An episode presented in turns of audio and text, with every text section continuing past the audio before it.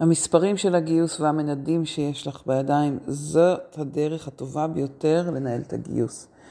ואין זמן טוב יותר מסוף שנה כדי לעצור, לעשות סדר בנתונים והמספרים לקראת השנה הבאה. אני מזמינה אותך לשיחה הזאת שקיימתי בסוף 2021, אבל היא נכונה לחלוטין גם לקראת אה, כל סוף שנה, כדי לראות איזה מדדים כדאי לאסוף, איזה מדדים אפשר לנתח, להציג, מה כדאי לראות.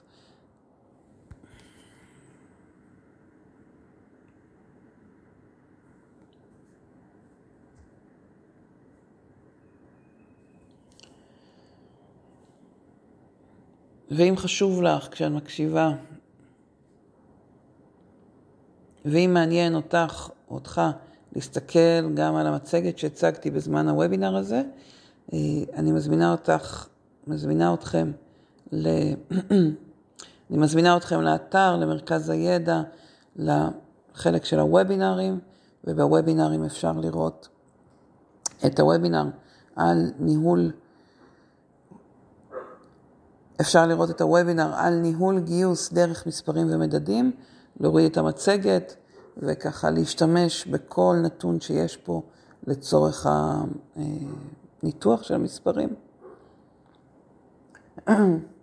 ולהשתמש בכל נתון שרואים פה לצורך ניתוח המספרים גם בארגון שלכם. פרק חדש בפודקאסט גיוס המקצוע, פתיחה ומתחילים.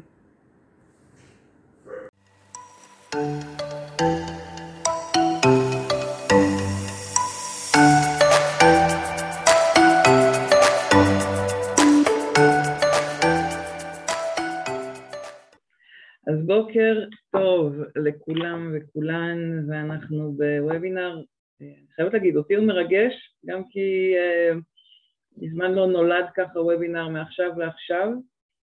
למי שלא עקב, אז uh, הייתה איזו שאלה באחת הקבוצות, uh, למי יש, uh, יש ותפתחו אם יש לכם שאלה בכיף, השליטה בידיים שלכם, רק אני משתיקה כדי שיהיה יותר נוח לכולם לשמוע.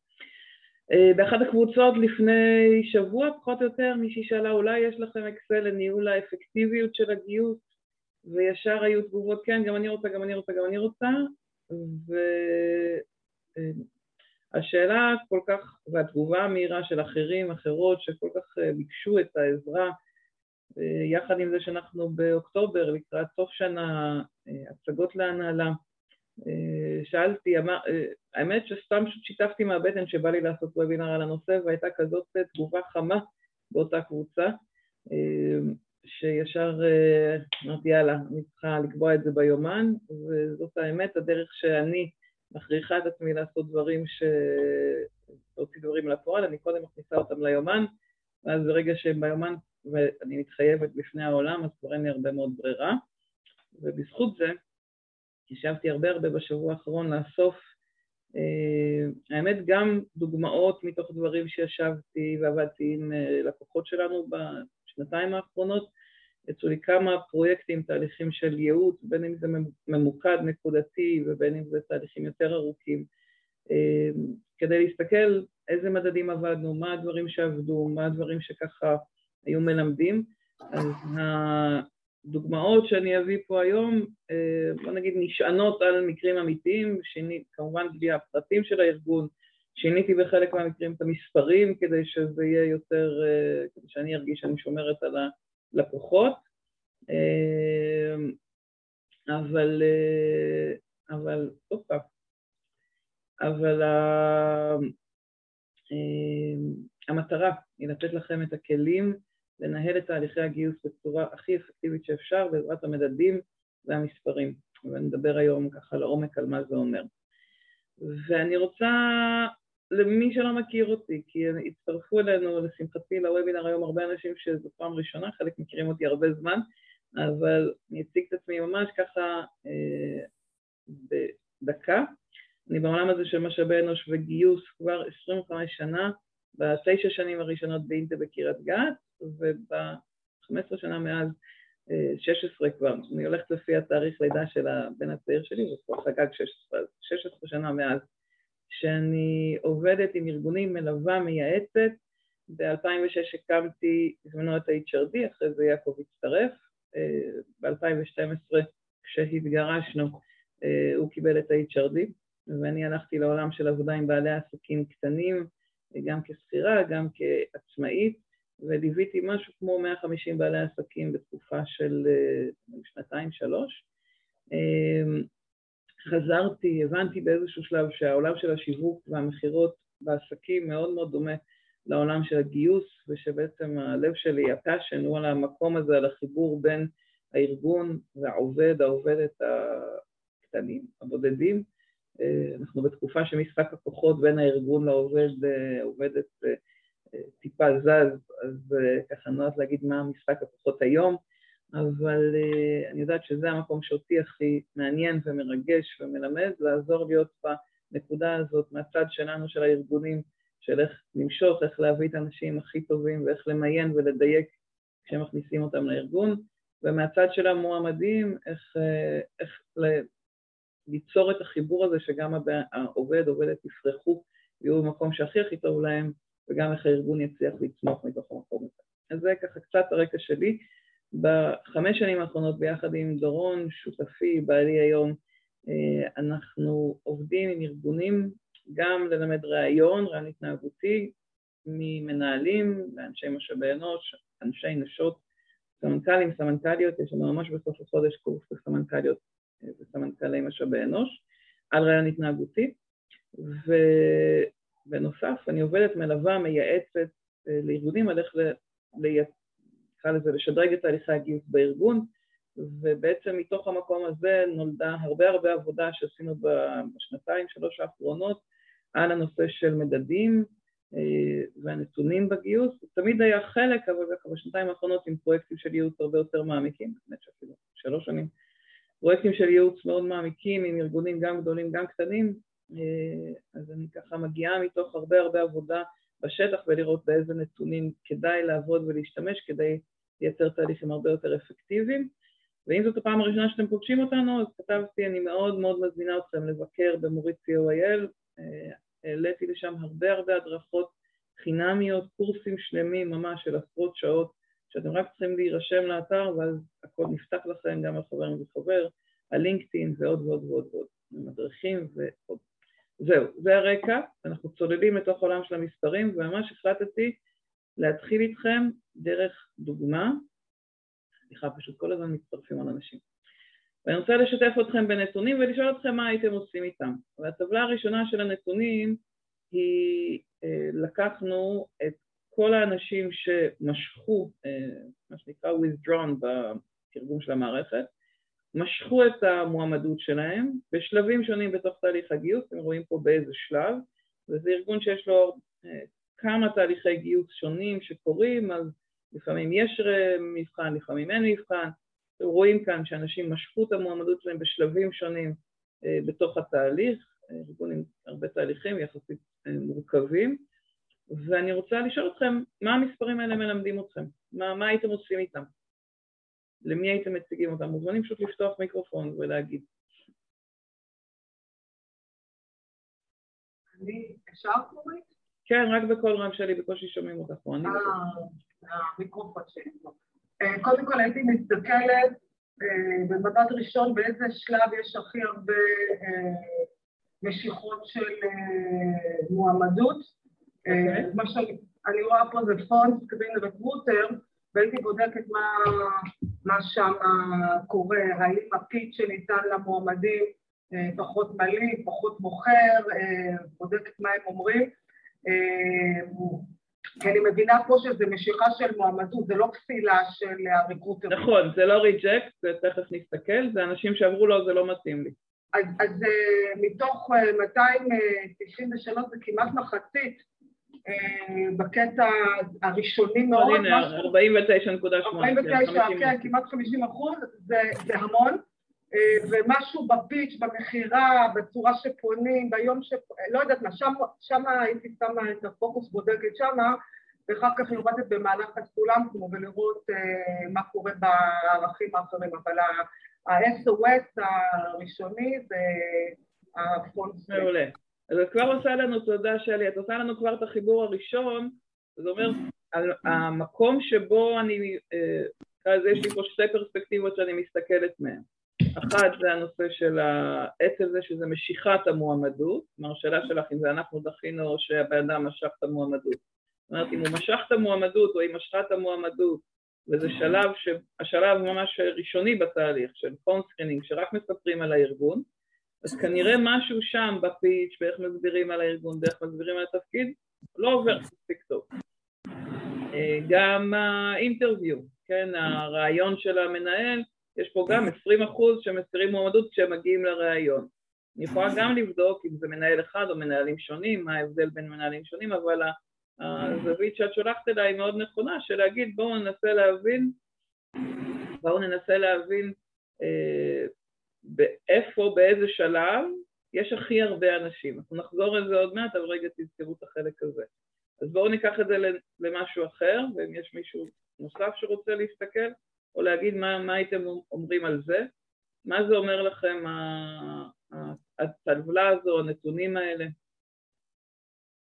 אה, מורית, אני לוקח את זה דווקא למקום אולי אה, מבחינת אה, בזבוז זמן ומשאבים מצד המגייס.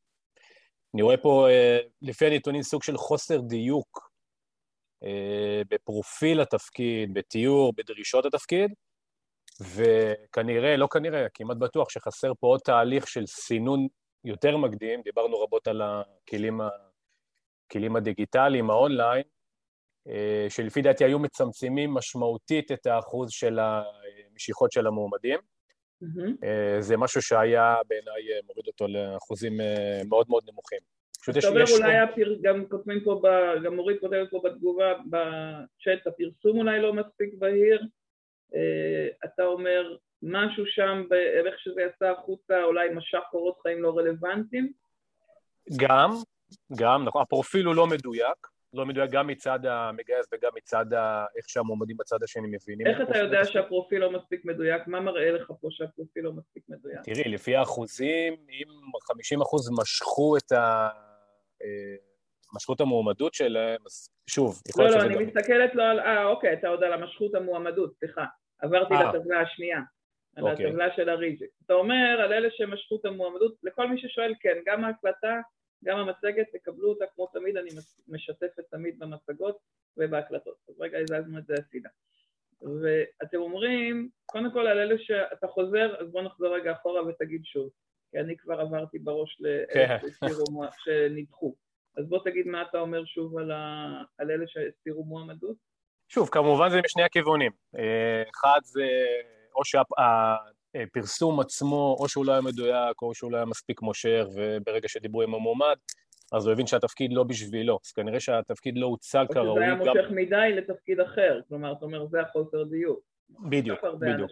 Okay. זה חוסר דיוק, ו...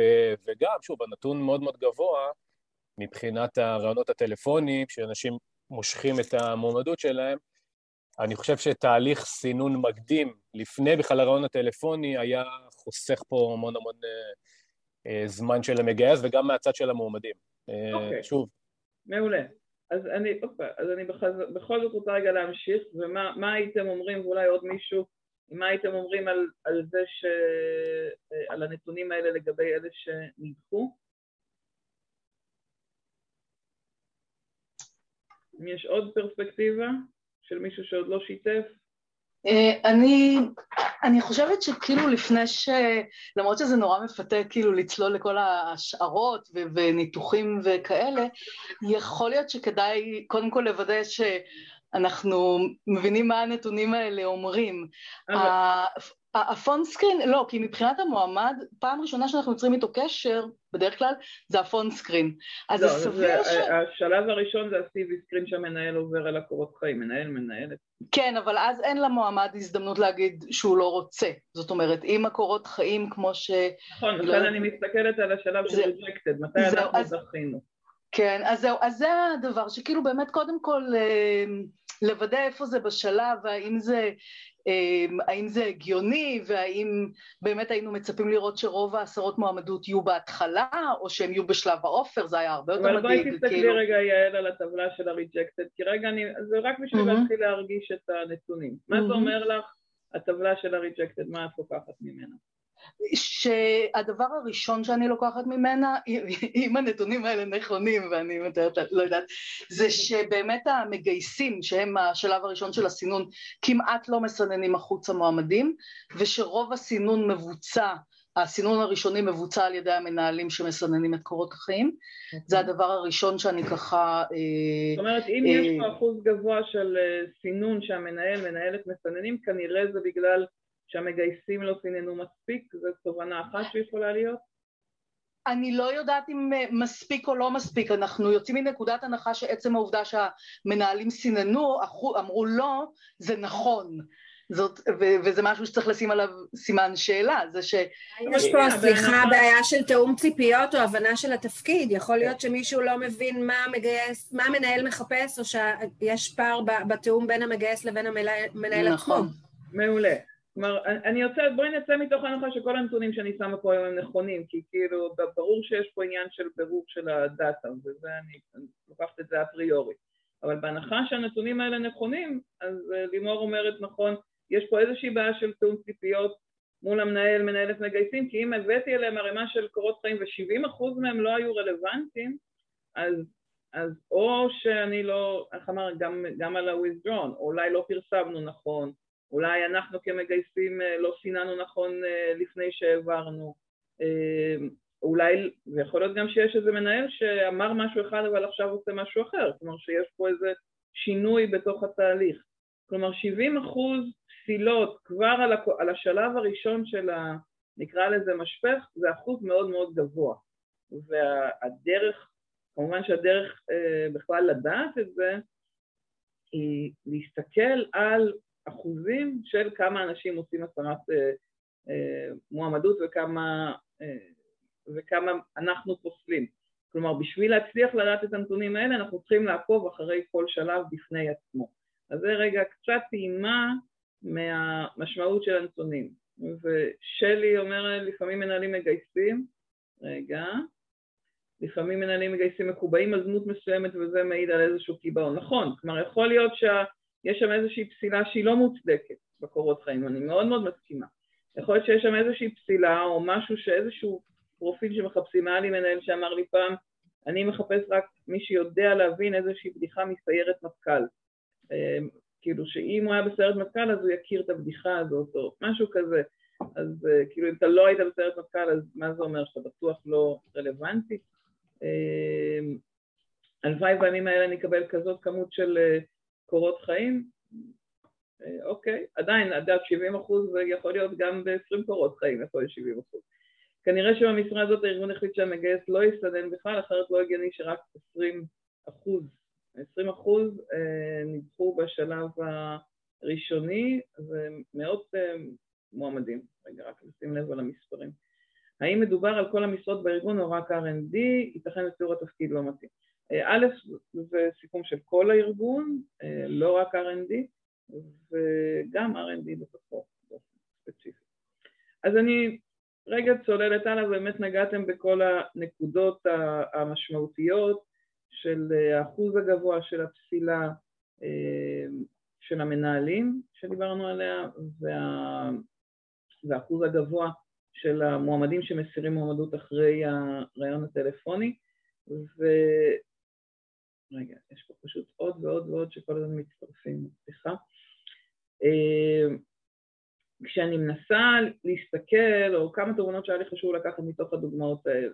אחד, היכולת שלנו ללמוד מתוך הנתונים מתחילה מזה שאנחנו נוגעים בפריזמה מאוד מאוד קצרה. למשל פה, כמות המועמדים מתוך כל שלב על אלה שנדחו, או כמות המועמדים בשלב של אלה שהסירו מועמדות.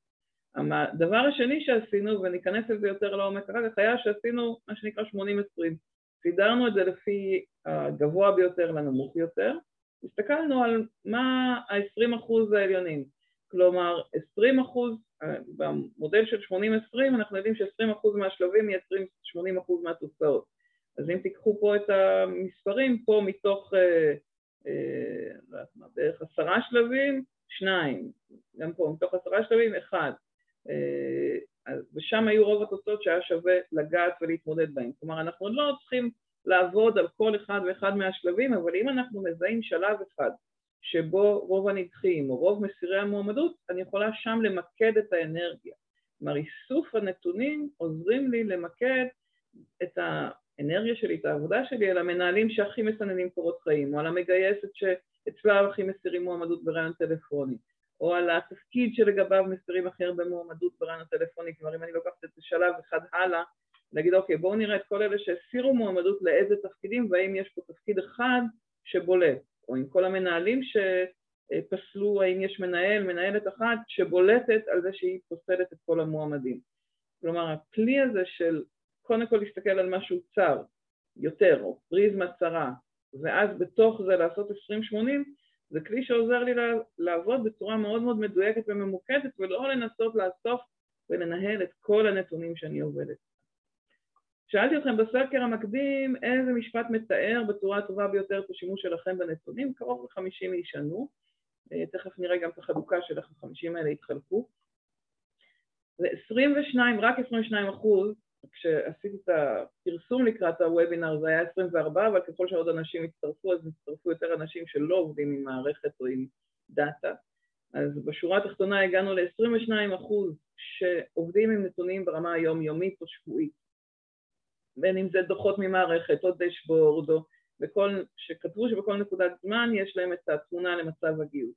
קרוב ל-80 אחוז, 78 אחוז, נעו בין לא אוספים אף פעם נתונים, לבין מריצים דוח פעם בחודש, לבין פעם ברבעון, לבין אה, פעם בשנה. או עובדים עם איזשהו אקסל שלא ממש משתמשים בדאטה בשוטף, אלא מדי פעם חוזרים או רק מעדכנים שם.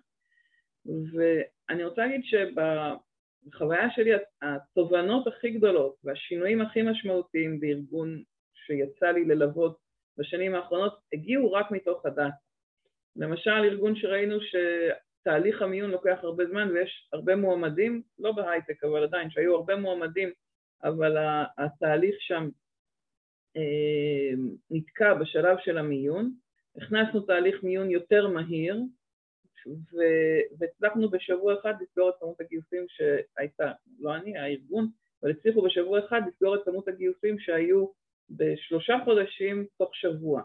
וזה מגיע מתוך זה שזיהינו במספרים את העיכוב הגדול שיש בתוך התהליך בשני שלבים.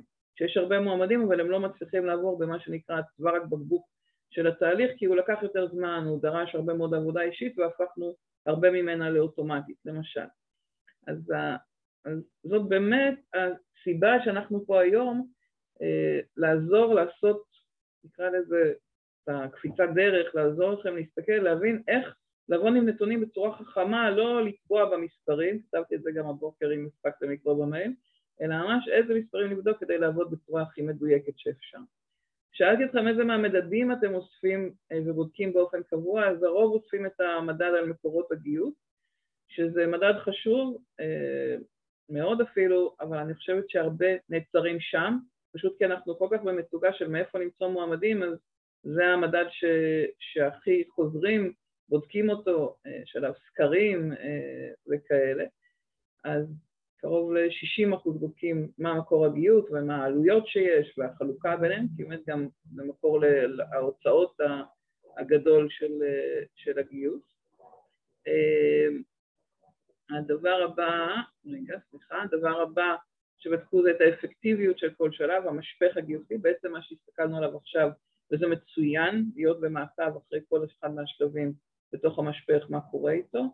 אה, גם על העזיבות בשלושה חודשים, שישה חודשים אה, ראשונים, שזה מדד מצוין לנושא של איכות הגיוס, נדבר עליו עוד מעט, וגם אה, הזמנים, זמן לאיוש, זמן מפרסום. נדבר על time to to fill, על ההבדל ביניהם.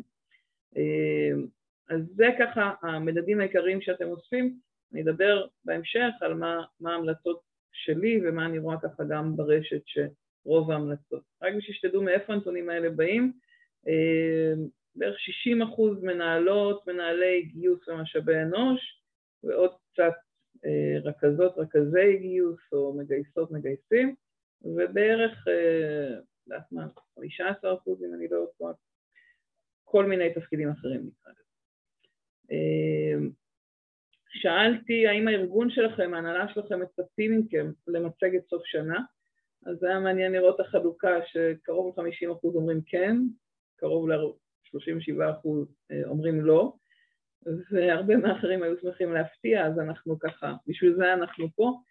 אבל אני גם אוהבת להסתכל על הגרפים האלה, תמיד לראות את ה-20-80 כאן, כאן. ובהחלט אפשר לראות את, ה, את החלוקה, זאת אומרת 80 אחוז הם, או, מאוד מאוד ברור להם אם כן או לא, סתם, למשל. שאלתי אם אתם מציגים את המצגת או המנהלים שלכם, אז אמרנו שהרוב מנהלים אז זה הם, כן, יש פה בערך 20 אחוז שהם מגייסות, מגייסים, אז המנהל, מנהלת שלהם, וזה ככה פחות או יותר הפריזמה של העוד 20 אחוז בערך שאף אחד לא מציג, ועוד משהו כמו 10-15 אחוז של ביחד. סתם בשביל הפרספקטיבה הכללית, אני מאוד מאוד ממליצה, א', אם אתם לא מצופים להציג, כן להציג, נדבר אחר כך על מה ולמה, ולקחת את זה, לנצל את ההזדמנות, לנצל את סוף השנה, להתעקש על להציג ולסכם, וככל האפשר שמי שיהיה מעורב יהיה חלק מזה. אני ממש זוכרת עד היום את הפעמים הראשונות שנכנסתי לחדר ההנהלה בארגון, שהצגתי בעצמי בכלל, הדרמה מאוד גדולה בשבילי בזמנו כ, כמנהלת צעירה, שלא הסמנכ"ל יציג במקומי, אלא שאני אציג כמנהלת גיוס. אז אני מאוד מאוד מעודדת אתכם גם להציג וגם ככה לבנות המצגות ולהעביר את הנתונים והניתוחים.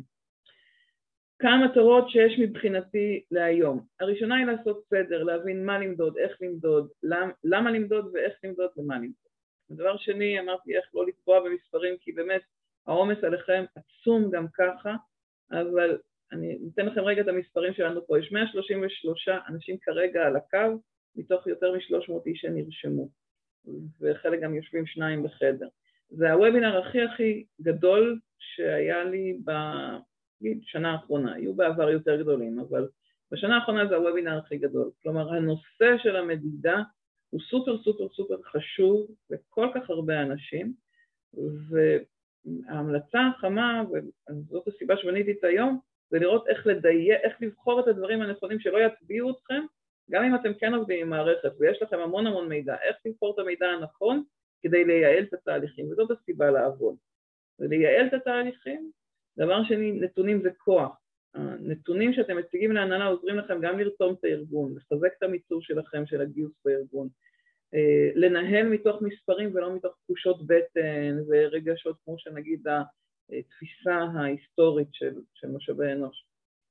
אה, נדבר על מה לעשות כשאין לכם מערכת, ואני כבר אומרת עכשיו ללחוץ יותר על לקבל מערכת טובה לניהול גיוס, אבל נדבר גם על מה לעשות אם אין לכם מערכת. זהו, זאת ה, זה האוסף של המטרות שלנו לשעה הקרובה. ולפני זה אני רוצה כן להגיד משהו על בנצ'מארק. אה, הרבה פעמים שואלים מה הבנצ'מארק לשכר כזה, ואתמול היה שיחה עד 11 בלילה של מה הבנצ'מארק באחת הקבוצות, מה הבנצ'מארק וכמות המגייסות מגייסים פר, אה, אה, פר תפקיד, כאילו כמה תפקידים לכל מגייס מגייסת. והתהליך הזה של בנצ'מארק הוא ההשוואה של, שלי מול האחרים. ואני לא אשכח את המגייסת, אני חושבת מגייסת, המנהלת גיוס שהתקשרה אליי והתייעצה איתי לגבי מודעות, פרסומים שלהם מהארגון, והיא אמרה אה, משהו כמו, אני יודעת שהמודעות שלנו בסדר כי הסתכלתי במודעות של ארגונים אחרים והפרסום שאני מעלה הוא מאוד, הוא בדיוק כמו שלהם. ובעיניי זה הבנצ'מרק, וגם אמרתי לה כמובן באותו אמרתי, זה המטרה ההפוכה שצריכה להיות לה. כלומר, אני רוצה כשאני מסתכלת על פרסום, לראות איך אני שם את עצמי במקום הכי לא כמו כולם.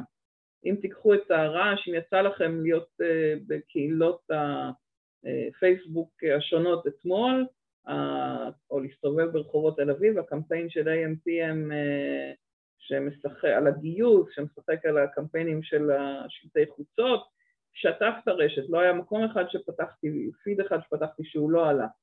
אז זה הדבר הכי לא כמו כולם. ולכן כשאנחנו עושים בנצ'מארק, תשימו לב שאתם שמים את עצמכם באיזושהי סקאלה שיש לי שאלה, האם המטרה שלכם היא להיות כמו כולם או אתם רוצים לבלוט מהתחרות. ואז אם היעד שלנו לבלוט מהתחרות, תתעסקו בעצמכם, תתעסקו בלשבור את השיא של עצמכם, תתעסקו בכל הזמן לקחת את עצמכם קדימה.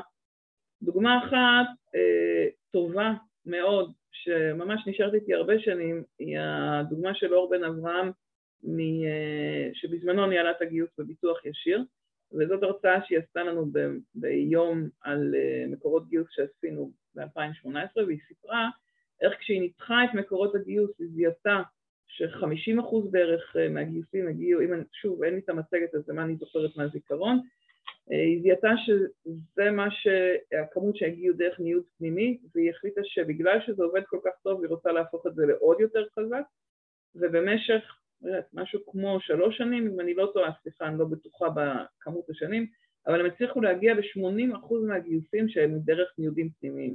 זה ארגון שמגייס הרבה אה, למוקדים, והרבה חבר'ה שהם סטודנטים, וכשהם סיימו את הלימודים הם התקדמו בתוך הארגון, ואז נשאר לה לגייס מבחוץ רק 20 אחוז, וגם שם אחוז גדול היה דרך חבר מביא חבר. כלומר, תבינו את השינוי הדרמטי בתרבות של הארגון, באנרגיה בארגון, בחוויה הפנימית, כשיש כל כך הרבה אנשים שמגיעים מניוד פנימי והגיע לזה דרך הנתונים, דרך ניתוח מקורות הגיוס והזיהוי שיש במקור שאפשר, שהוא מקור שעובד טוב, שאפשר שיעבוד עוד יותר טוב. שאלה? אוקיי. ניוד פנימי זה אומר שהארגון קטן ב-80%? לא, זה אומר שהארגון אה, כל הזמן העביר, במקום לגייס מבחוץ, עשה אה, החלפות. הכוונה שאין גדילה משמעותית. בהבנה שלי הכוונה שאין גדילה משמעותית, אני, אני לא יודעת כמה הארגון גדל, אבל אני יודעת להגיד שהם הכניסו בעיקר אנשים לתפקידי כניסה, וההתפתחות הפנימית בתוך הארגון הייתה מתוך ניודים פנימיים.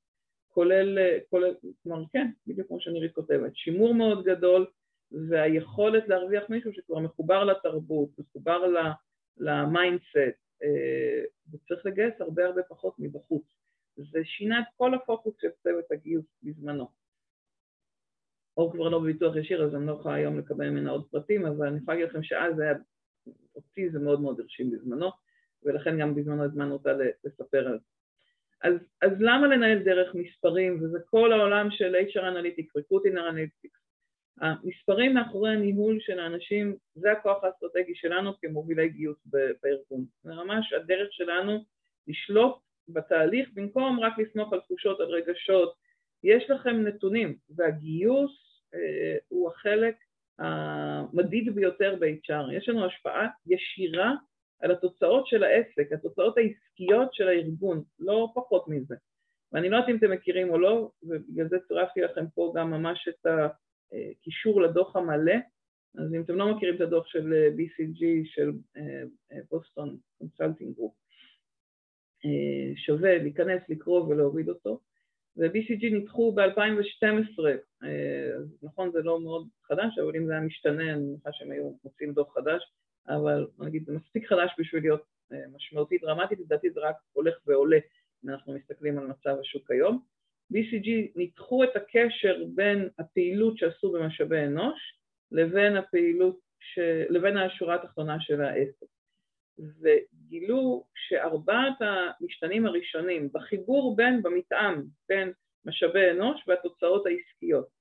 ארבעת המשתנים הראשונים, הגורמים הראשונים, קשורים לעולם הגיוס וניהול הגיוס. עמידה ביעדי הגיוס, קליטה טובה, onboarding של העובדים החדשים, ניהול הטאלנטים, כן, אם תיקחו את הדוגמה של אור בן אברהם של הניודים הפנימיים, ושיפור מיתוג המעסיק. אחרי זה יש את כל מה שקשור להערכת עובדים, פיתוח מנהיגות ועוד דברים.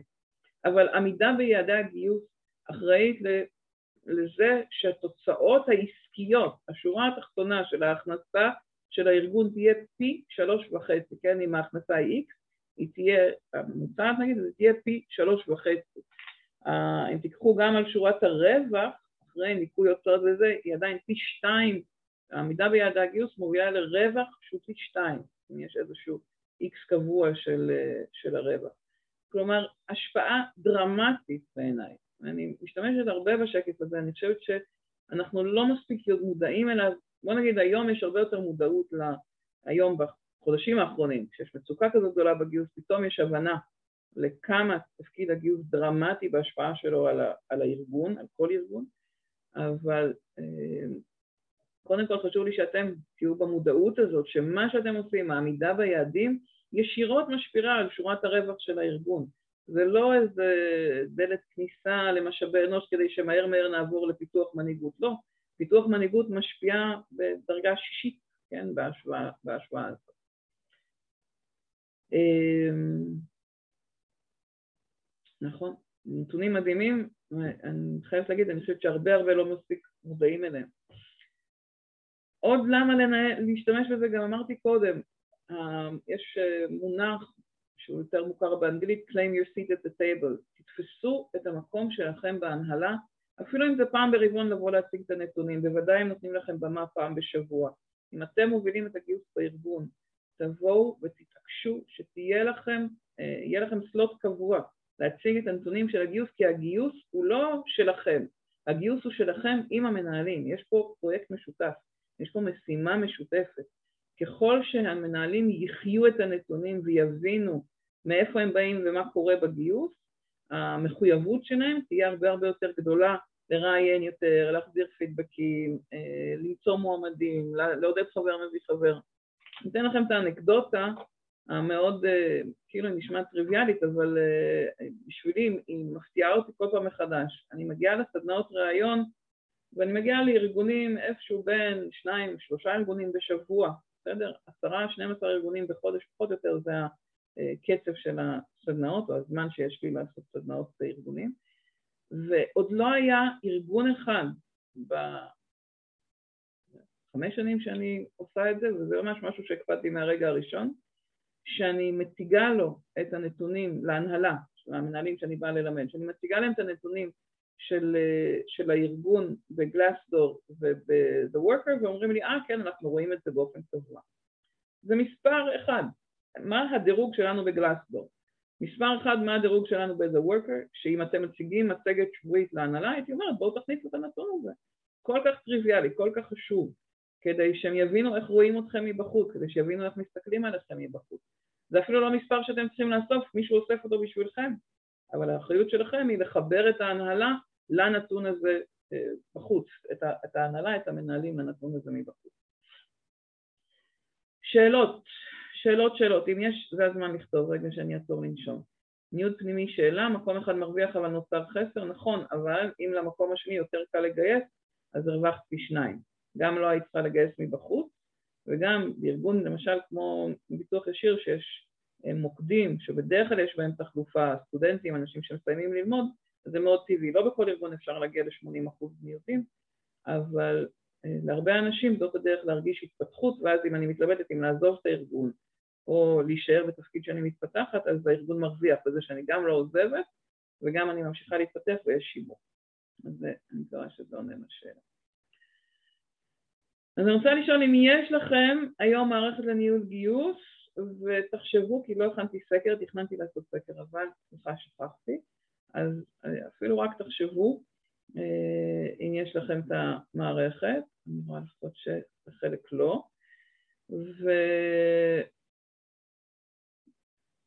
והאמת שזה מעניין, כן, יש, כן, כותבים לי. לא הייתי הולכת לעבוד בארגון בלי, אז אז חלק כן, חלק לא, מטמיעים בין אדם לקומית, בין שמות שנזרקים. אז, אז אני רוצה להגיד ככה, א', מעולה, אני שמחה לראות שיש ככה אה, הרבה הרבה שיש להם, זה נהדר וגם יהיה לכם ממה לעבוד. חד משמעית, לכל מי שמגייס יותר מעובד אחד או שניים בשנה, צריך להילחם על מערכת לניהול גיוס. חד משמעית, אין לי שאלה על זה בכלל. בסדר? אפילו רק בשביל, רק בשביל שכשאתם מפרסמים משרה יהיה לכם מאגר מועמדים שאתם יכולים לעשות search, תשלפו לי את המועמדים אה, שבעבר פנו, רק בשביל זה זה מחזיר את העלות של כל המערכת. רק בשביל זה שאחרת הייתם צריכים לשלם לחברת השמה, או הייתם צריכים לשבת עוד פעם לפרסם ועוד פעם להגיע למועמדים חדשים, יש לכם בבית, בתיקיות, אתם פשוט לא רואים אותם. אז קודם כל זה כלי שעוזר לשכנע. היתרונות של מערכת, היא אוספת את הנתונים, צריך לדעת מה לנתח. היא מייצרת לכם מאגר קורות חיים, אמרתי, זה ההחזר הכי הכי טריוויאלי על ההשקעה. זה נותן לכם המון זוויות להסתכל על הנתונים, גם מנקודת המבט של המועמד, כי אפשר לראות מתי הוא שלח קורות חיים או איש שלך, ואת השלבים שהיא עברה וכמה זמן לקח לה לקבל החלטה, יש המון דברים מהזווית של המועמד, ונקודת המבט של המשרות שפורסמו, וצריך גם להבין איך המערכת שלכם בנויה, כי מערכות שונות בנויות בצורה שונה לגבי הפרספקטיבות האלה. אפשר כמובן ללמוד על התהליך, אפשר לדבר במספרים, בשביל זה אנחנו פה. החסרונות, לא בכל מערכת יש את הדוחות שאנחנו רוצים, אבל צריך, אבל אפשר לבקש את העזרה, אה, לפעמים צריך לשלם על זה כדי שייתנו לכם דוח ספציפי, וזה שווה את זה שוב ושוב ושוב. ואני לא מקבלת שום אה, אה, הטבות, לא מאדם, לא מקומית, לא מאף אחד מהמערכות. אה, יצא לי לעבוד עם כל אחת מהן אה, בנפרד, סיבי נטו, נילוסוף ניתן כל, כל הארבע הישראליות אה, הייבוק, חמש ישראליות, ניתן להן את הקרדיט. אה, לא מנסה להמליץ על אף מערכת באופן ספציפי, ויכולה להגיד שככל שהמערכת שלכם, אתם עובדים איתה, לומדים אותה, מתאמצים להבין מה מאחורי הקלעים, משתמשים ככל האפשר באנשי מקצוע כדי להטמיע אותה בארגון, כי זה לא קל להכניס בהתחלה, אבל הערכים והרווח, אה, אין מה להגיד, ואני אגיד להרבה מכם שיש מערכת ואתם לא מנצלים אותה ולא מבקשים להתייעץ מדי פעם עם אה, מישהו, אפילו בתשלום, עם מישהו מתוך הארגון, מתוך המערכת, בשביל שייתנו לכם טיפים איך לעבוד איתה יותר טוב, איך להוציא דוחות יותר טוב, אתם מפספסים. הרבה הרבה ארגונים שיצא לי לייעץ ולעבוד אותם, אמרו לי כן, אנחנו משתמשים במערכת, אבל אנחנו רק זורקים לשם את הקורות חיים כדי שזה יהיה מאגר. זה ממש לנצל רק 20% ולפספס את החלק הדרמטי של המערכת. כתבו פה עוד. מסכימה שלהרבה הרבה יש בעיות של הדוחות, חושבת שהארגונים משתפרים, חושבת ששווה לעבוד גם עם אדם, גם עם קומיק, יש פה כל מיני ביקורות שאני רואה כרגע על לייצר דוח יותר טוב עבורכם, ואם זה לא עובד, לעבור למערכת אחרת גם אפשרות.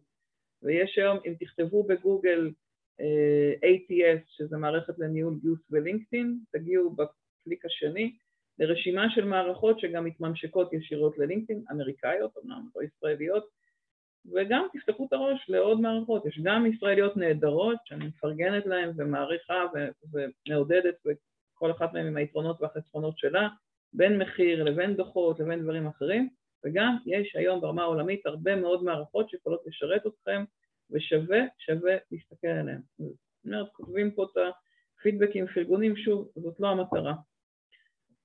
אבל כן היה לי חשוב להגיד כמה אני חושבת שמערכת היא קריטית, כי רק בעזרת נתונים במערכת אפשר להתחיל באמת להבין לעומק את התהליך. הרבה הרבה יותר קשה עם נתונים שאנחנו עוקבים ומתעדים אותם אה, באופן יומיומי. קומית מתממשקת עם לינקדאין, יופי, שמחה לשמוע. מה אפשר לבדוק? קודם כל אנחנו נסתכל או תראו מדדים שונים שנדבר עליהם, אה, חלקם נוגעים לתהליך, למשל באיזה שלב איבדנו הכי הרבה מועמדים, כמו שדיברנו קודם, וחלקם נוגעים בתוצאות שלו, כמה גייסנו מכל ערוץ, מה הייתה האיכות של הגיוסים. בסדר? אז תהיו ככה בקשב להאם אנחנו מסתכלים על תהליך הגיוס או האם אנחנו מסתכלים על השורה התחתונה, לאן זה הוביל אותנו, מה זה אפשר לנו. ובעצם יש, אה, נקרא לזה שני בקטים עיקריים, אולי שלושה אפשר לקרוא להם, אה, הרבה קוראים לזה אפקטיביות למרות שמתכוונים ליעילות, אז רגע נעשה את ההפרדה. האפקטיביות של התהליך זה שהתוצאה שלו היא מה שאנחנו רצינו, בעצם זה מתכתב עם הנושא של איכות. שהתהליך עובד בצורה תקינה ושהתוצאות שלו הן אה, התוצאות הרצויות. היעילות מסתכל על זה שהוא יעיל, ש... שהוא חסכוני מבחינת זמן, מבחינת כסף, מבחינת האנשים, אה, הוא כאילו היעילות לא מתעסק בתוצאה והאפקטיביות לא מתעסק ביעילות אלא רק כשהתוצאה היא נכונה. אז רגע רק קצת בשביל המדד. מסתכלים על איכות הגיוס, זה אומר שהתוצאות הן טובות כמו שחשבנו, שגייסנו את האנשים הנכונים, למשל. למשל, הנושא של אפקטיביות, אנחנו בודקים אותו למשל בזה שאנחנו רואים. נפל שם שין, שאחוזי המעבר משלב לשלב הגיוניים. יעילות אנחנו נבדוק במדדים של זמן, של עלות, של המאמץ בתוך התהליך. את האיכות של הגיוס אנחנו יכולים לבדוק למשל בדברים כמו התפקוד של העובדים, ההתמדה שלהם, התוצאות העסקיות, אנחנו ניכנס רק ביותר פרטים, אבל זה רק כאילו הכיוון הכללי להפרדה בכותרות. נכון, האיכות זה ההישארות, הוותק, בדיוק מה ששמנו פה, איך מודדים בדיוק, אוקיי?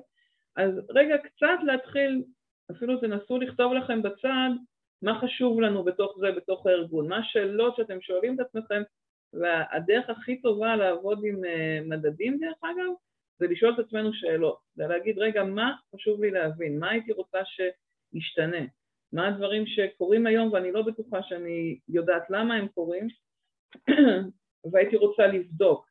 ואז אנחנו מהמקום של השאלות שאני שואלת אנחנו מתחילים לחזור אחורה ולהבין רגע איזה מספרים, איזה נתונים אני צריכה בשביל זה סליחה, הפסקה מתודית. אמ, הדרך הכי טובה להתייחס לנתונים בעיניי זה כמו סוג של קובייה הונגרית, זאתי לא עם הרבה מאוד פאות, כי היא קובייה, אבל היא עם כל פאה מורכבת מ... אה, שמונה שמונה, נכון? כן, שמונה על שמונה ריבועים לעומת שלושה על שלושה סטנדרטית. יש לי כזאת בבית, אני יכולה להגיד לכם שבחיים לא הצלחנו לפתור אותה, למרות שאת הרגילה פתרנו. אה, גם שיחת סטטוס, אז נגיע אחר כך למדדים עצמם, אני אשמח שתרחיבו, תודה אדם. אה, ואם לקחנו קודם את הדוגמה הקטנה של אה, כמות האנשים שהסירו מועמדות באיזה שלב, זה נקודה אחת ממש, כאילו ריבוע אחד כזה על הקובייה ההונגרית. יכולנו להסתכל על מאיזה ארגון, מאיזה לוקיישן הם הגיעו, אם זה ארגון גלובלי, יכולנו לראות מי המנהל, יכולנו לראות מי המגייס ומגייסת. כלומר, על כל נתון כדאי לי להתחיל ממקום שהוא יחסית צר לפני שאני הולכת ומרחיבה, והמיקוד שלי והדיוק הוא סופר סופר סופר חשוב. יש כל מיני צירים שאנחנו יכולים לבחון דרכם, הזמן, העלות, מקורות הגיוס, המגייסות, מגייסים, המנהלים שאנחנו עובדים איתם, אה, המשרה, התפקידים השונים, השלבים השונים בתהליך.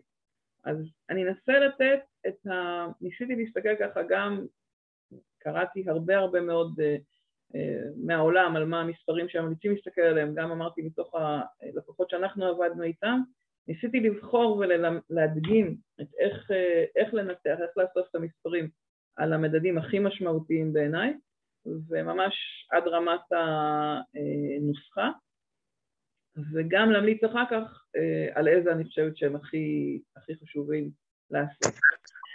שאלה?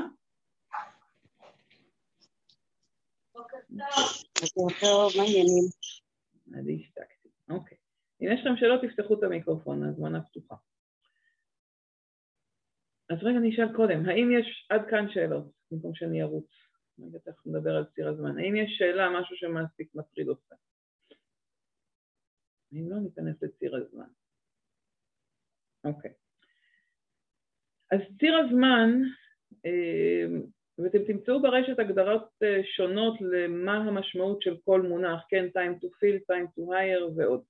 קודם כל בואו נסתכל על ציר הזמן ואיך הוא מתכתב עם אה, תהליך הגיוס. קורות חיים נשלחים לארגון, לפעמים הם נשלחו בכלל באיזה תפקיד אחר, לפעמים נשלחו סתם כי יש לכם כפתור מבורך באתר שאומר גם אם לא מצאתם משרה תעבירו לנו את קורות החיים, זה מעולה, בעיקר כשיש כמובן מאגר קורות חיים, אז יש קורות חיים שיושבים במאגר שנשלחו באיזושהי נקודת זמן. בשלב מסוים פתחתי משרה, אחר כך אני מפרסמת אותה בחוץ, פתחתי משרה במערכת הפנימית, אני מפרסמת אותה, לפעמים זה קורה באותו, באותו עיתוי ולפעמים זה אה, שני שלבים נפרדים במערכת. אה, קורות חיים נשלחים אחרי שפרסמנו את המשרה ובעצם פה התחלתי מה שקראתי לו תהליך המיון. בסדר? ברגע שהצמדנו קורות חיים למשרה, יש איזשהו תהליך של מיון, עד השלב שבו או המועמד מועמדת מסתירים מועמדות, או אנחנו אומרים להם תודה זה לא מתאים, או עד השלב שאנחנו נותנים חוזה ואומרים נהדר, עברת תהליך, אנחנו רוצים לגייס אותך להצטרף אלינו, זמן של חשיבה עד האקספט ותחילת עבודה. בסדר? זה ציר הזמן.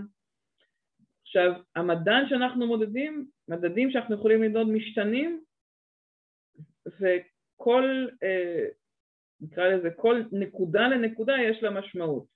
מפתיחת המשרה ועד אקספט, אה, זה מדד אחד שמעניין כמה זמן אה, לוקח לנו לאייש את המשרה, גם מפתיחת המשרה ועד תחילת עבודה, מה שנקרא time to on board, עד הנקודה שהבן אדם כבר נכנס ממש לארגון. אה, יכול להיות שמעניין אותנו דווקא להסתכל פה על מפרסום המשרה, מקבלת הקורות חיים הראשונים ועד הרעיון הראשון, כמה זמן לקח עד שהמנהל אמר כן זה מעניין אותי והלך לראיין.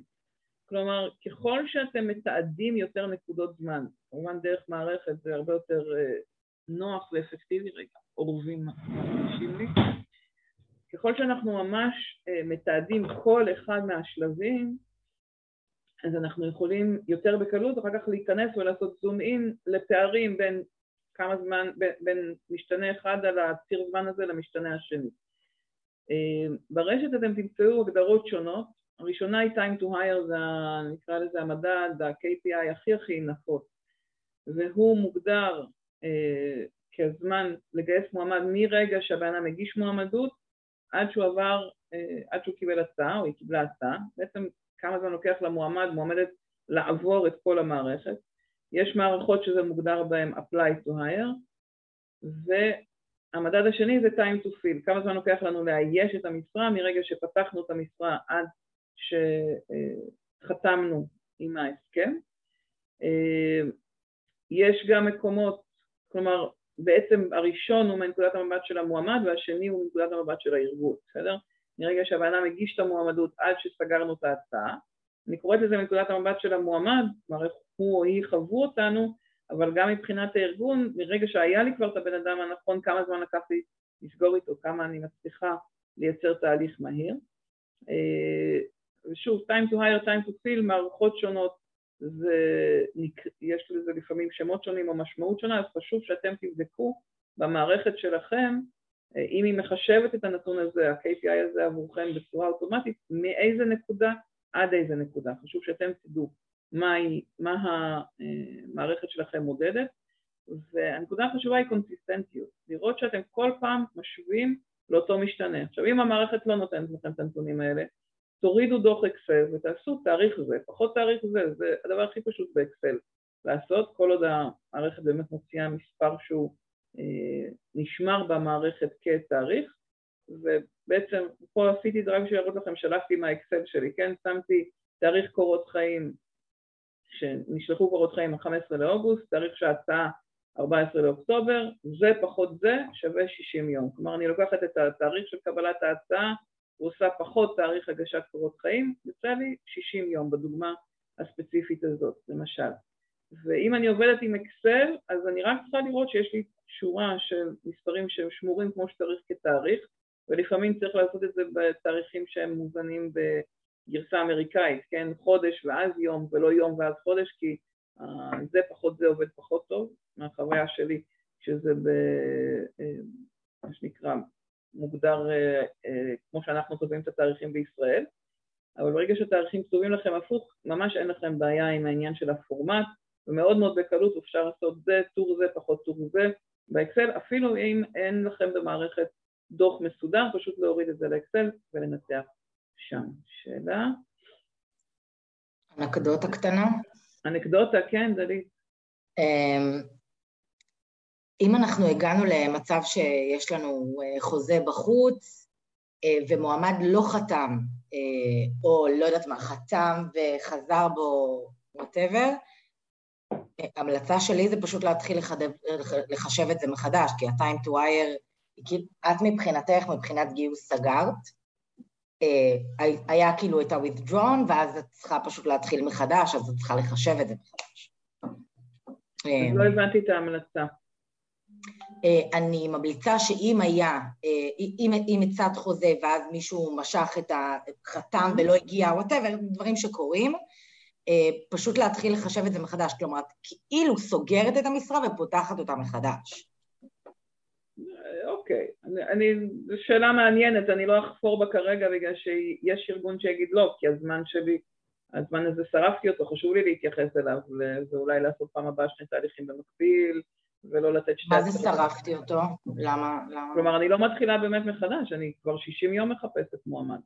אני לא התחלתי עכשיו, זה לא משרה שנפתחה היום. מבינה? כלומר, מבחינת הפרספקטיבה, אמנם אותו מועמד יחווה את זה כאילו רק יומיים בתהליך, זה אני מסכימה כן. אבל את צודקת שצריך לראות איך אנחנו מתייחסים, אם היו לנו הרבה עשרות מועמדות, אז אה, לשים על זה את המדד, כמה עשרות, כמה זמן לקח בין העשרה האחרונה לבין זה שכן הצלחתי לגייס בסוף. אה, מרגישים עוד שלב במדידה. כן, אני אומרת, יש פה הרבה נקודות במדידה, ובהחלט אם הייתי בארגון שיש בו הרבה מאוד הפרות מועמדות, אז אני חושבת שהנקודה שאת שמה היא מאוד נכונה, שאנחנו רוצים לראות מתי התחלנו, מתי הייתה הסרת מועמדות, מתי הייתה, uh, מתי סגרנו בכל זאת אחרי הסרת המועמדות האחרונה, או משהו על הפער הזה בין הזמנים, נקודה מאוד חשובה. Uh, מור שואלת אם לא יותר נכון לחש... לחשב את היום שבו העובד חתם, כי לא תמיד המועמד חותם באותו יום, זו החלטה שלך. בסדר, לכן אני אומרת, חשוב להבין במערכת שלך, ממה שאני מכירה בדרך כלל לוקחים את, את ה-offer תאריך התחלה. את התאריך התחלה. אני, אני בכוונה לא נכנסת, לכן גם היה לי חשוב להראות שיש פה הרבה מאוד נקודות שאפשר להתחבר אליהן. Mm-hmm. אני חושבת שבהחלט ה-accept date הוא תאריך יותר נכון מאשר מתי נתתי את ההצעה, אלא מתי הבן אדם אמר accept. אבל בהחלט הפער בין ה-accept date לתחילת עבודה הוא מאוד משמעותי, כי יש תפקידים שה-accept date הוא יום-יומיים לפני תחילת עבודה, ויש תפקידים שבהם עוברים חודש-חודשיים, למשל גיליתי שבאירופה, במדינות שונות, יש שלושה חודשים של הודעה מראש שאנשים צריכים לתת, אם אני לא טועה, חודשיים או שלושה שצריכים לתת הודעה מראש, מה שאצלנו זה 30 יום. אז בהחלט אני צריכה למדוד גם את תאריך ה-accept של הבן אדם, את ה... תראו, המועמד חווה אותנו מתי קיבל הצעה, אז יש משמעות גם ממתי הוא שלח קורות חיים ועד מתי הוא קיבל הצעה, זה מהפרספקטיבה של המועמד. מהפרספקטיבה של הארגון זה מתי סגרתי את המשרה, אפילו uh, time to on board, עד מתי שהגיע בן אדם החדש וכבר אייש את המשרה. אז אני חושבת ש... ויש פה, אני לא אכנס לתוך כל ההתכתבות, ואתם נוגעות בנקודות מאוד מאוד חשובות, היה לי כן חשוב לשים גם את הטווח וגם להגיד לנקודות שאתם בוחרים למדוד ולהסתכל יש משמעות אחת היא מהנקודת מבט של המועמד, איך הוא חווה או איך היא חווה אותנו, מועמד, מועמדת, השנייה היא מנקודת המבט של הארגון, מתי אנחנו מאיישים את המשרה, מתי מישהו נכנס לתפקיד, וההסתכלות היא שלכם על מה הנתון שיותר משמעותי עבורנו, וזה לא שיש פה איזה מספר אחד שהוא נכון לכולם. ההמלצה תהיה גם את זה וגם את זה למדוד. אז אפשר אמרנו להתמקד בנקודות זמן שונות, בין האקספט לתחילת עבודה, בין הגשת קורות חיים לקבלת חוזה, זה החוויה של המועמד אותנו, כמה זמן עובר בין פרסום המשרה לקורות החיים הראשון שנשלח אליה, למשל, זה מדד שבאחד המאמרים שקראתי על זה ראיתי שממליצים לראות כמה זמן לוקח עד שפונים אלינו. אבל אני שמה את זה בגלל שהדבר החשוב שזה מראה לנו זה כמה חשוב למדוד את הזמן ואחר כך אפילו להחליט מה אני רוצה, ככל שאני מתעדת יותר אירועים שקורים במהלך הזמן, אז אני יכולה אחר כך יותר לבדוק את טווחי הזמן בין אחד לשני. כלומר, אם על כל אירוע שקורה לי אני שמה תאריך, אז אחר כך אני אוכל הרבה יותר בקלות לתעד את הזמן שעובר מדבר לדבר. ולמשל זה גם יכול לאפשר לי להשוות למטריצות גלובליות כאלה, שמתי לכם פה למשל חיבור לדוח של אה, AIHR, ש... שיש להם כל מיני דוחות, זה מ-2017 אם אני לא טועה, של כמה זמן לתחום ביבשת מסוים. בסדר? אז שוב, אני לא, לא רוצה להיכנס לנתונים, אם זה הרבה, אם זה מעט, אם זה נכון לפני חמש שנים, אם זה עדיין נכון היום, אלא רק להגיד שככל שאתם מתעדים דברים, אז אתם גם יכולים להסתכל על מה קורה בעולם, שוב, אמרתי בהתחלה את דעתי על בנצ'מארק.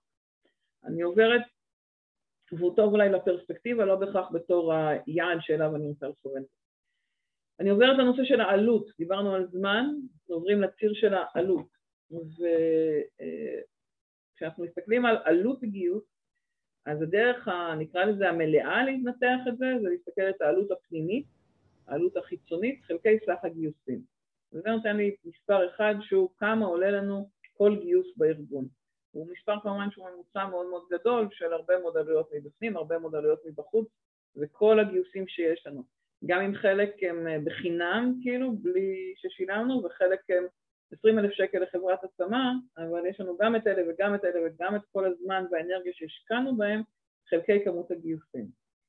אז עלות חיצונית יכולה להיות פרסום במדיה, תוכניות פרסום, אה, ספקים שמכשירים עובדים חדשים, תגמול לחבר מביא חבר או, או קמפיינים של חבר מביא חבר, אה, השמות, כל עלות של חיצונית שיש. עלויות פנימיות, שאני חייבת להגיד, ברוב הארגונים לדעתי לא מחשבים את העלויות האלה, אבל כן מאוד חשוב לדעת שהם שם. הזמן שלכם כמגייסות מגייסים שווה הרבה מאוד כסף, הזמן של המנהלים המגייסים שווה הרבה כסף.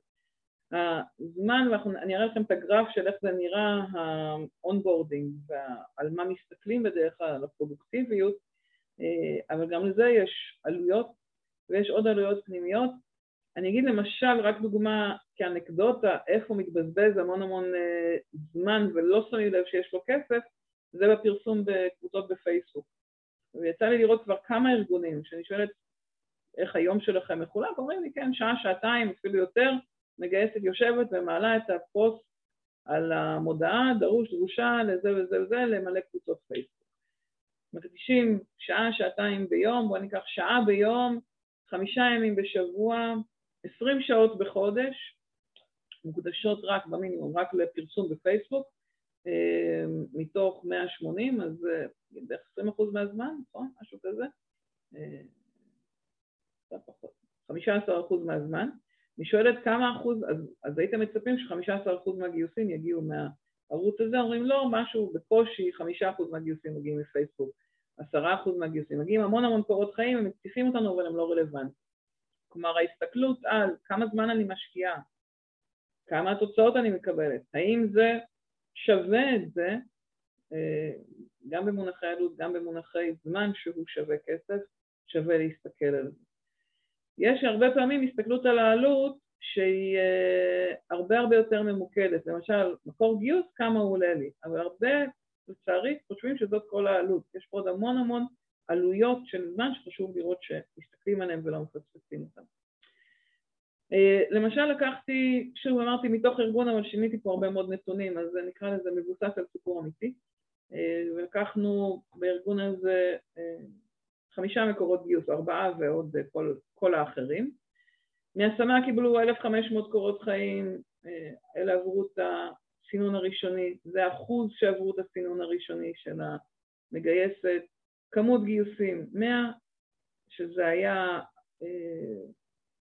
54 אה, אחוז מסך הגיוסים, סך הגיוסים היו, לא זוכרת, לא שמתי פה 180, 190, משהו כזה, 60, 70, כן, בערך 180 גיוסים, אה, ובעצם 6% מקורות החיים אה, שעלו לארגון הזה בערך 7,000 שקל פר גיוס, כן, 700,000 שקל ששילמו לחברות השמה, אה, בסדר? 6% מקורות החיים ייצרו 54% מהגיוסים, אוקיי? לעומת זה מחבר מביא חבר, שהגיעו, סליחה, שישה אחוז מהקורות חיים שהתקבלו, כן? שישה אחוז מה-1,500 היו המאה. בסדר? רגע, רק בשביל לראות את ה, שהמספרים ברורים. הרבה הרבה שהם מסוננים בשלב הראשון, מעל 50 אחוז שנזרקו שם כבר בשלב הראשון, ורק 6 אחוז מתוך כל ה-1,500 הובילו בסוף לגיוס, וכל גיוס עלה להם 7,000 שקל מהמקור גיוס הזה.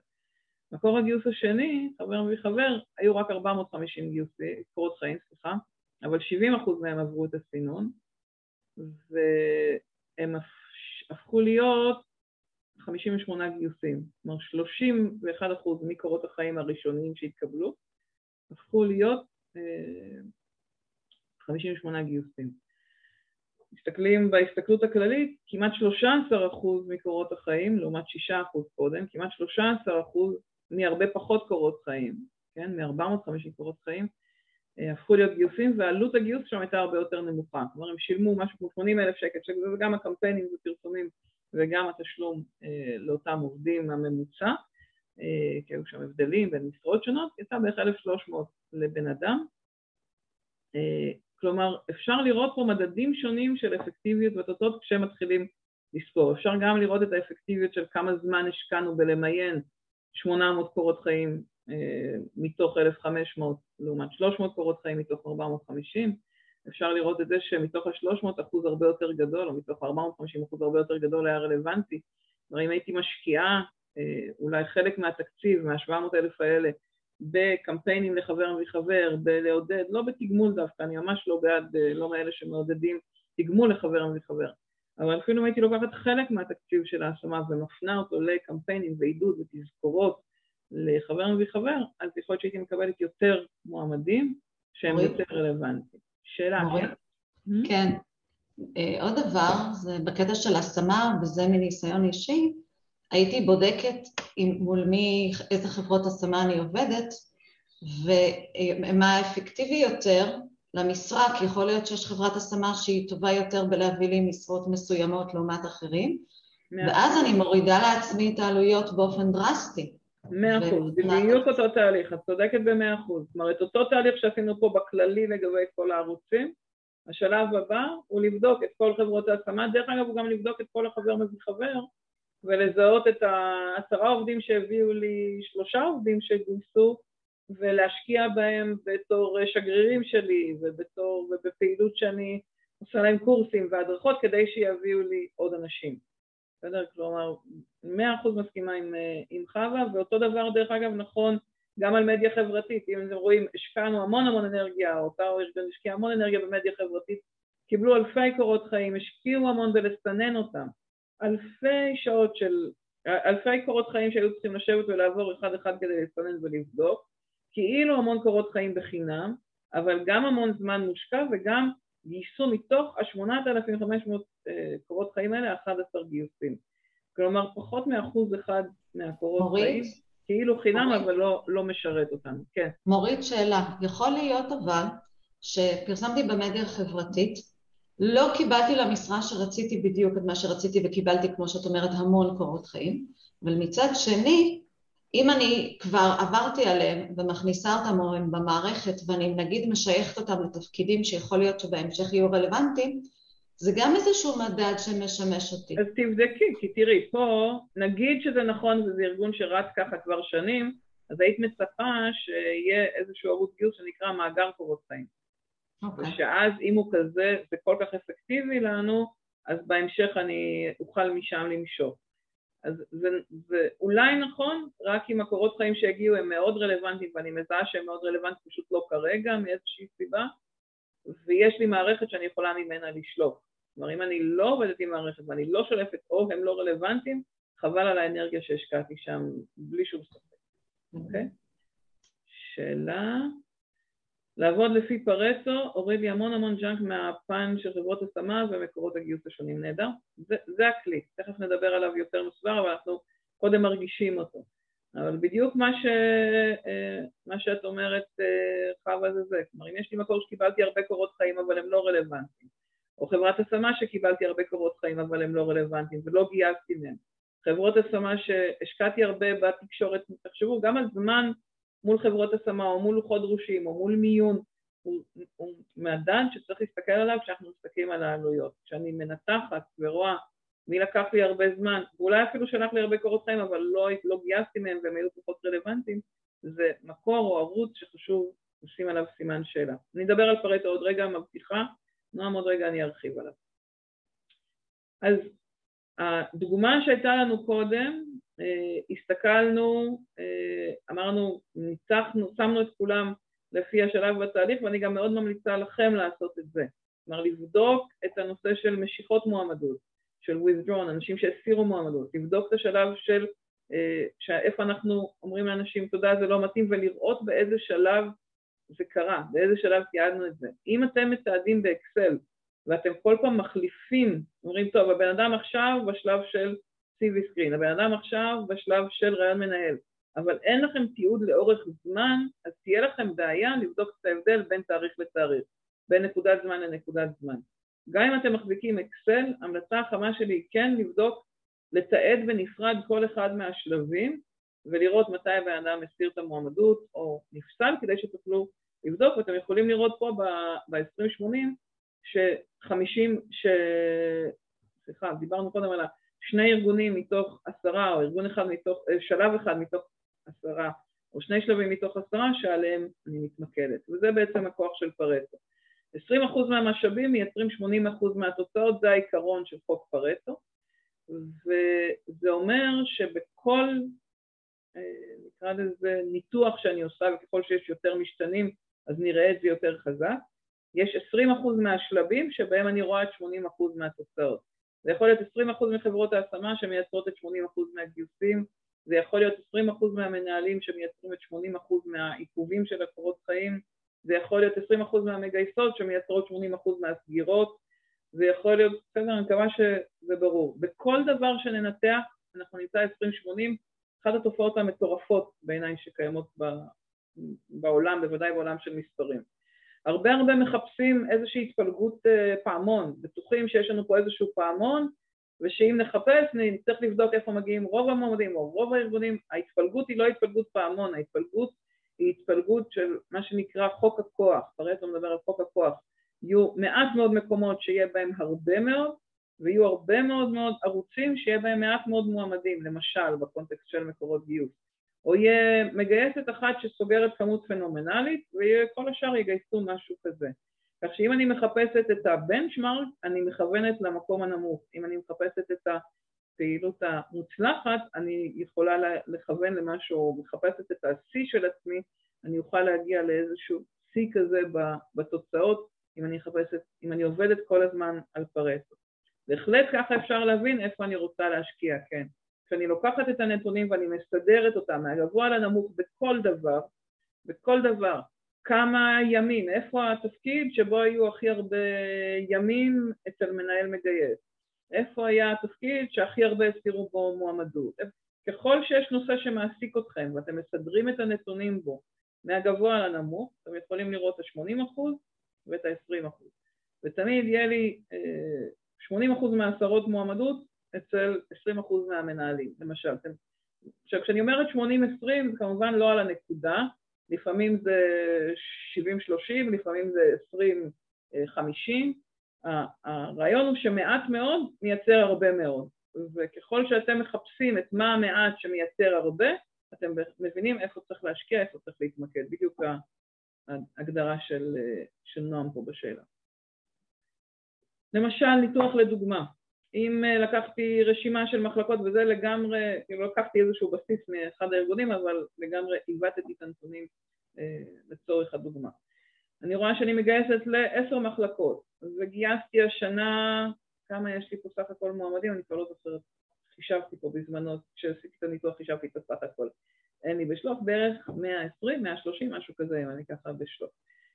אה, R&D היו 37% מהגיוסים, מכירות היו 26% מהגיוסים, בסדר? כלומר לקחתי את הסך הכל של הגיוסים וחילקתי 55 מתוך הסך הכל, 38 מתוך הסך הכל והגעתי לאחוזים האלה.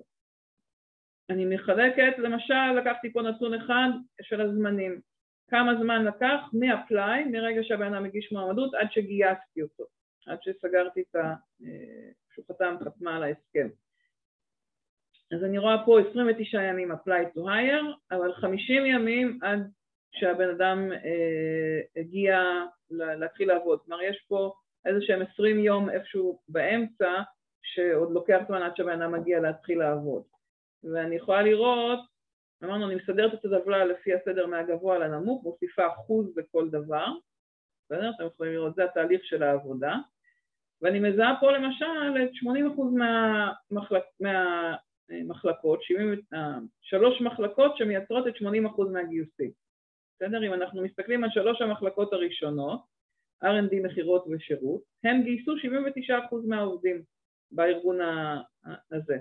ושוב, הנתונים האמיתיים לא היו שונים בהרבה, רק השמות של המחלקות, הכמויות טיפה שינית.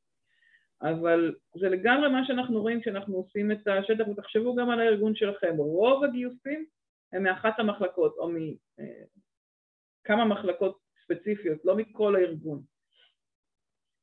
אני יכולה גם להסתכל או לסדר מגבוה לנמוך ולראות אה, איפה לוקח לי הכי הרבה זמן. אני יכולה לראות, אה, למשל פה, את המחלקה שלוקח לה הכי הרבה ימים, אה, time to fill. אני יכולה לראות פה גם את הביטחון, למרות שהם לא גייסו הרבה אנשים, אבל גם לקח להם הרבה מאוד זמן, או את השירות שלקח להם הרבה זמן, והם גם גייסו חלק מה-80 אחוז. כלומר זה עוזר לי להבין איפה אני רוצה להתמקד ואפילו איפה אני רוצה לפרגן, למשל הכספים פה, שאומנם גייסו רק שלושה אנשים, אבל הם עבדו מאוד מאוד מהר, הם הצליחו לגייס תוך שמונה ימים, ושהבן אדם גם התחיל לעבוד תוך 11 ימים, משהו שם הם עשו מאוד מאוד מהר ומאוד אפקטיבי, ולפעמים מה שאני צריכה זה לקחת מקרה כזה לדוגמה, לתת אותה במה ולספר על זה לכל שאר הארגון כדי שיראו ויבינו את הערך הגדול שיש פה במחלקה הזאת, או אפילו לבקש מאותו מנהל מחלקה שיספר, מנהל, מנהלת, איך הם הצליחו לעשות את זה. שאלות על הנושא של 2080. חייבת להגיד, זה אחד הכלים הכי הכי דרמטיים ומשמעותיים מבחינתנו בעבודה על הנתונים. שאלה אם יש. אנחנו ממש ככה ברבע שעה האחרונה, אני אנסה לרוץ טיפה יותר מהר על המדדים האחרונים. איכות הגיוס גם דיברנו קודם, אפשר לבדוק דרך דירוגים של הערכת עובדים, אה, דרך אחוזי עזיבות של עובדים חדשים, ושאלו אותי בדיוק השבוע מה זה אומר עובדים חדשים, אז כשזה עובדים בתפקידים יותר זוטרים אנחנו לוקחים את המינימום של שלושה חודשים, כמה אנשים עזבו בשלושה חודשים הראשונים, ככל שהתפקיד יותר מורכב, יותר בכיר, לוקח יותר זמן להכשיר אליו, אז לוקחים גם עד שנה ראשונה, אבל אה, איפשהו בין שלושה חודשים לחצי שנה ראשונה זה הזמן שאנשים נחשבים חדשים, וכמובן תלוי ארגון. בהחלט אפשר עד שנה, אפשר עדיין להתייחס לזה כעובד חדש, ולהסתכל על הקושי בתהליך המיון או על הקושי בתהליך הקליטה בתור אה, מדד לאיכות הגיוס. שוב, הכוונה היא לא איכות העבודה שלכם בצוות הגיוס, אלא של תהליך הגיוס. ותמיד נתון שהוא משמעותי לעבודה המשותפת עם המנהלים. אה, אפשר גם לקחת את הביצועים. ראיתי במחקרים שמדברים על ההשפעה של תהליך גיוס קצר על הביצועים של הארגון ומקור גיוס שמשפיע על הביצועים. אז גם למשל אם זה אנשי מכירות, לראות מי מוכר יותר טוב ולראות אולי יש מקור גיוס שמוביל למכירות יותר טובות, או מנהלי פרויקטים שמצליחים לעמוד ביעדים, או נתון אחר שיש סביב תפקוד של אותם עובדים, החיבור בין המערכות של הגיוס ומערכות משאבי אנוש או מערכות הערכת עובדים או הניהול מאוד מאוד מעניין. אה, ההמלצה לאיך לחשב את זה, ואני חייבת להגיד, זה הנתון שהכי הכי קשה לחשב אותו, אה, נקרא, ב, נקרא לזה ברשת, נקרא במחקר success ratio, ובעצם זה דורש מאיתנו להגדיר מה זה אומר גיוס מוצלח, אה, למשל דרך הערכת עובדים או המשתנים שאמרנו קודם, חלקי סך הגיוסים. כלומר פעם ברבעון, פעם בשנה להגיד אוקיי גייסתי איקס אנשים, כמה מהם אני מגדירה היום כמוצלחים וכמה לא, ואני יכולה לתעד ולעקוב אחרי הנתון הזה כדי לראות את אחוזי ההצלחה לאורך זמן. חשוב שתהיו מודעים לזה שבעצם כשאנחנו מסתכלים על הזמן של הקליטה... מורי, אפשר שאלה? שאלה, כן, תודה. כן. אה, מתי את אה, מתחילה לחשב את זה? אחרי, אחרי שלושה חודשים? מתי הזמן הנכון להתחיל לחשב את הגיוס? תראי, עצם זה שהבן אדם שרד שלושה חודשים, זה יכול להיות המדד שאת משתמשת בו כדי להגיד היה לי גיוס מוצלח. כלומר, כמה אנשים עזבו את הארגון בשלושה, שישה חודשים הראשונים, זה מדד שאפשר להראות למנהלים, להגיד יש לנו בעיה של השימור. כי 20% עוזבים ב... אה, בשלושה חודשים הראשונים. ואם אני לא, מגדיר, אם אני לא אה, מגדירה גיוס מוצלח לפי זמן, אלא מגדירה גיוס מוצלח כבאמת מדד של ביצועים וכאלה, אז מתי הזמן הנכון להתחיל למדוד את זה? אז זה מתחבר למה שהתחלתי להראות. בסדר? Okay. אוקיי. וזה משהו שאתם צריכים, אה, בוא נגיד, ככל שאת מתחילה לבדוק ביצועים יותר מוקדם, מתוך המודעות לזה, אז את יותר בקלות יכולה להגיד מה, מה נכון אצלך פר תפקיד, כי זה ישתנה מתפקיד לתפקיד. ואנחנו יודעים שיש עקומה של קליטה לתוך תפקיד חדש. בעצם יש פרק זמן שאנחנו משקיעים בבן אדם עד שהוא מתחיל להחזיר לי את ההחזר על ההשקעה, ומאותה נקודה הוא מתחיל לייצר תוצאות, בסדר? אז לכל עובד חדש יש אה, פרק זמן שאנחנו יכולים להגיד, מהנקודה הזאת הוא כבר מתחיל להחזיר לי את ההחזר על ההשקעה שהשקעתי בו. ככל שתהליך הקליטה הוא יותר מהיר והוא יותר טוב ואני יותר משקיעה בעובד החדש, אז יותר מהר מה שנקרא רמפ, הרמפ זה הרמפה הזאת, הזווית של הקליטה היא יותר מהירה והוא מתחיל, או היא מתחילה לייצר לי החזר על ההשקעה יותר מהר. אז את יכולה להגיד, אני רוצה לראות מתי תוך שלושה חודשים לאיזה מקום או איזה ציון, נגיד כמה מכירות הבן אדם, כי זה הכי קל לדבר על מכירות, כמה מכירות הבן אדם מצליח למכור תוך השלושה חודשים הראשונים, ולפי זה לדרג ולראות האם אני מצליחה לקצר את זה. אה, אני יכולה להגיד לך שהיה לי וובינר שעשיתי עם רויטל מאלקטרה והם מדדו את זה והצליחה אה, בעזרת הכלי של ראיון למשל להוריד את אחוז האנשים שעוזבים בשלושה חודשים הראשונים. כלומר פשוט את המדד של כמות האנשים שעוזבים בשלושה חודשים הראשונים השתמשו כדי לבדוק שכששינינו את תהליך המיון הוא הפך להיות יותר אפקטיבי וזה היה המדד שהם השתמשו בו כדי להראות, אה, אה, כדי לבדוק את עצמם וכדי להראות להנהלה. אגב, צה"ל עושה את זה נהדר, כי בצה"ל הם קולטים אנשים בפרקי זמן קצרים, לכן הם צריכים להכשיר אותם כמה שיותר מהר כדי שיביאו אה, תפוקה, תהליכי הכשרה בכניסה לארגון הם מקסימליים. נהדר. אם את מכירה מישהו שאפשר ללמוד ממנו שם, אני אשמח לחיבור שלי. אני אחפש. אז שיתפתי אתכם פה ברשימה של מדדים אה, פופולריים, על חלקם דיברנו אה, וחלקם, ושלחתי את זה גם היום במייל, ויש לכם גם את המצגת, אז, אה, אז הכל, זה בידיים שלכם. ואחד מהם שלמשל לא דיברנו זה Net Promotive Score, כשאנחנו שואלים את המועמד האם היית ממליץ, היית ממליצה על הארגון לחבר, חברה, זה אחד המדדים המעניינים, דווקא מאלה שלא התקבלו לראות האם הם היו ממליצים על הארגונים, על הארגון לחברים. Uh, היעילות של המשפך, החוויה של המועמדים, שאפשר גם דרך, uh, אני יודעת שכלים כמו קומית כבר שילבו את זה בתוך המערכת, יש שם uh, כלי חיצוני של The Talent Board, שהיא עמותה שמנתחת את חוויית המועמד, אני ממליצה לפנות אליהם כדי להצטרף לסקר, כדי לקבל נתונים על חוויית המועמדים שלכם, אה, בעלות מצחיקה, לראות את הבנצ'מארק העולמי מולכם. אם אתם רוצים עוד פרטים על זה תגידו לי, או פשוט תיכנסו לאתר של טאלנטבורד. ואני רוצה כן להגיד... איך קוראים להם? מורית, סליחה, איך קוראים להם? Talentboard. הדוח נקרא קנדי, קנד היא גדולה, והעמותה נקראת talentboard.org נדמה לי אם אני לא טועה. אה, יש להם גם דוחות מאלפים על חוויית מועמד אה, עשר שנים אחורה, והארגונים שהצליחו עם המון case studies, המון המון המון המון מידע על חוויית מועמד שאפשר ללמוד משם. אני ציטטתי אותם, הבאתי הרבה בפוסטים שלי בעבר. מאוד מאוד ממליצה פשוט להצטרף אליהם ולשלוח למועמדים שלכם את הסקר שלהם פעם בשנה ולהתחיל לקבל באופן קבוע את הפידבק פעם בשנה לפחות על חוויית המועמד. אם אין לכם מערכת, המדדים שכדאי לכם לתעד, רשמתי אותם פה, אה, והם פשוט בנויים על התהליך, הפרטים של המועמד, פרסום המשרה, כן, המידע גם על המשרה וגם על המועמדים, אני לא אכנס לכל אחד מהם, תרצו לשאול, אני אשמח לספר. שיתפתי פה, ותודה גם שלי אה, שאיתנו כאן ומור, לא ראיתי אם היא עלתה, אבל גם שלי וגם מור שיתפו אותי והסכימו שאני אעביר הלאה את הקבצים שלהם. אז אני אשלח לכם את המצגת ויש לכם פה את הקבצים שהם הכינו, שונים, כל אחת מהן עובדת, אה, אה, אני חושבת שכמגייסות חיצוניות, נכון? אם אני לא טועה, אה, מול ארגונים, ולכן הן עובדות ומשתמשות בכלים האלה לתעד ולנהל את העבודה, אז תראו את זה שזה בנוי בפורמט של מול גוף כאילו כחיצונית, אבל אפשר כמובן לאמץ את זה גם פנימה לתוך הארגון. אז בין הרשימה הזאת שיכולה לשרת אתכם לבנות אקסל חדש משלכם לבין הדוחות של שלי ושל מור, אתם בהחלט יכולים אה, להתחיל, אם אין לכם מערכת, להתחיל לבנות מכאן. וכן היה לי חשוב רגע אה, להגיד עוד משהו ואז אני אחזור על הנושא של ההצגה להנהלה. 80% ממי שפה על הקו לא יעשו כלום עם ההדרכה, אני לא פסימי, אני הבן אדם הכי אופטימי בעולם, או אחד מהאופטימיים, וזה ממש לא אישי, אבל זאת המשמעות של 80-20.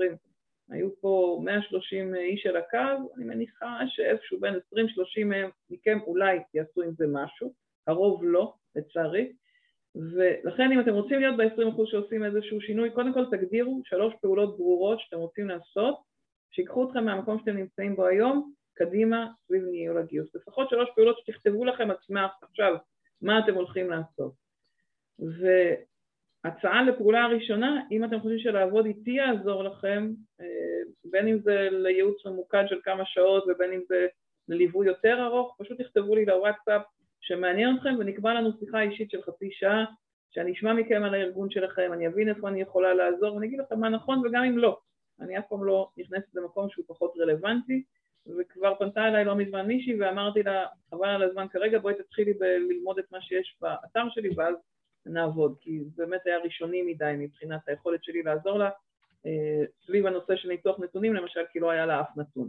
אז אה, אם, אם זה רלוונטי לכם, תקבעו איתי, ניסיתי להתבדח ולהגיד שאם תקבעו את זה בתור הפעולה הראשונה, אז יישאר לכם רק עוד שתי פעולות, אבל אה, גם אם אתם חווים איתי וגם אם לא, תגדירו לכם שלוש פעולות ברורות שיקחו אתכם קדימה, ואם אתם חושבים שלעבוד איתי יעזור לכם, אל תתביישו, אל תרגישו לא נעים, גם אם אתם לא בטוחים עדיין אם יתקצבו לכם את זה, תכתבו לי הודעה ונקבע שיחה של חצי שעה ונחשוב על איך לעבוד ביחד על הנתונים אצלכם בארגון קדימה. אה, אני רואה שחלק כותבים. מורית, את שולחת אה, את ההקלטה או את המצגת? אני שולחת גם וגם, ואני רוצה עוד שקף אחד אחרון שדילגתי עליו כן להתייחס, ואם אתם צריכים לעזוב אז תכתבו, אני אשמח מאוד שתכתבו איך זה היה לכם, אבל רגע עוד לפני שנסכם, אני כן רוצה להגיד עוד משהו אחד על הנושא של העבודה עם ההנהלה. אנחנו מציגים להנהלה כדי להעלות את המודעות שלהם, לחבר אותם למצב השוק, כמו שאמרנו, לרתום את המעורבות שלהם, להראות את הפוקוס של איפה כואב ולרתום אותם באמת כדי לשנות את התהליכים בארגון. כשאתם מתלבטים על מה להציג להנהלה, תזהו מה הכי חשוב לכם לשנות. אפשר להראות את אותו נתון לאורך זמן, אבל גם אם אתם מראים נתון חד פעמי, כמו שאנחנו הראינו פה, את ה-reject או את ההצהרות מועמדות, אם יש נתון אחד שזיהיתם שמדבר על משהו שקורה בארגון, גם אם זה משהו חד פעמי בחצי שנה, שנה האחרונה, תראו אותו כדי שאפשר יהיה להתחיל לעשות את הדיאלוג והאינטראקציה הזאת. כן אני ממליצה לבחור שניים שלושה מדדים קבועים שחשוב לכם לאורך זמן לעבוד איתם. תראו ותשקפו את הכמויות, את נפח הפעילות בגיוס, הרבה ארגונים מנהלים בכלל לא מודעים לזה שיש כמות מועמדים שעוברים, נפח זמן של שעות ראיון שאתם משקיעים, שעות עבודה שאתם משקיעים כדי למצוא מועמד אחד, כמה זמן לוקח לנו? כצוות למצוא מועמד, מועמדת, המשפך של הגיוס מול ה-SLA, כלומר אם הם, אה, לוקח להם המון זמן להחזיר לכם קורות חיים, תראו את זה, תראו להם. אנחנו שולחים uh, תוך יום מרגע שאנחנו מקבלים, אבל לוקח להם שבוע להחזיר, ואז אנשים כבר עברו לתפקיד אחר, למשל. תבנו איתם SLA הסכם על כמה זמן uh, צריך לעבוד על התהליך. Uh, מי המנהלים שמובילים, מי העובדים שמובילים, תפרגנו להם, תנו להם במה, תחזקו אותם. דברו על מקורות גיוס כדי לעודד את חבר וחבר, ודיברתי קודם גם על הנתונים מגלסטור או The Worker, גופים חיצוניים שאוספים לכם מידע ואתם אה, הרבה פעמים לא מראים את זה בכלל למנהלים. אז אני אעצור פה ויש לנו עוד כמה דקות ואני אשמח אם יש לכם שאלות שאתם רוצים, אז זה הזמן. חמש דקות אחרונות שנשאר לנו. נפתח את הצ'אט כי לא ראיתי את הכל. שאלות, דברים שלא ברורים, משהו שהייתם רוצים שניגע בו, ותודה לכל מי שכותב, מאוד חשוב לי לדעת איך זה היה לכם, אם זה שרת אתכם. פעם ראשונה שאנחנו עושים כזה וובינר, אז זה מאוד מאוד משמעותי. מורית, אני אשאל רגע שאלה בתור מי שלא עובדת עם... אה, זאת לילך, השם שלי פה, מוטה. אה, אז היי. רציתי להגיד, זה נשמע לי מישהו. זה נשמע לי מוכר, אבל זה לא השם. כן. אה, אז קודם כל, תודה, בשבילי זה היה מאוד פוקח עיניים, אנחנו לא, אני לא עוסקת בכלום מזה היום, ובשבילי זה היה נהדר. רציתי רק איזו התייעצות קטנה, כי ראיתי שאף אחד לא מדבר, ואם יש לנו זמן. כשהצעת באמת לבנות איזשהו אה, קובץ למעקב אחרי, אה, אה, אחרי מועמדים, אז עשית את זה פר מועמד. השאלה היא מה, נכון להיום אני עובדת באמת עם איזה קובץ אקסל הכי בסיסי, אין בו כלום, שעוסק במשרה. אז השאלה אם, אם כאילו מאיזה עין עדיף להסתכל על זה, אם מהעין של המשרה או מהעין של... התיעוד של מועמד, לפח... ואם את בלי מערכת, אז לפחות של מועמדים שהתחילו את התהליך. יעזור לך לזהות את הבעיות בתוך התהליך. אם את רק פר משרה, אז את לא רואה איפה לקח המון זמן למנהלים עד שהם החזירו תשובה על מועמד זה או מועמד אחר. אז זה דורש ממני לנהל קובץ נפרד בעצם של המשרות וכמה סך כל קורות החיים שהגיעו בספירה לא, ידנית. את לא, את לא צריכה לנהל קובץ נפרד על המשרות, את יכולה לנהל את המועמדים ואז לעשות מה שנקרא פיבוט, שזה... כן, כן. בסדר? שאני בודקת על המשרה הזאת כמה קורות חיים קיבלתי, אבל אני רואה את זה, או עם, עם כמה התחלתי תהליך. זאת אומרת שאני מכניסה דרך... כל אחד מקורות החיים שהגיעו אליי, גם אם הוא לא רלוונטי למשרה, כדי, לכם, כדי לבדוק את סך מקורות גיוס. בגלל שאין לך מערכת הניהול גיוס, הייתי אומרת, זה ייקח ממך הרבה מאוד אנרגיה אם את מקבלת הרבה קורות חיים.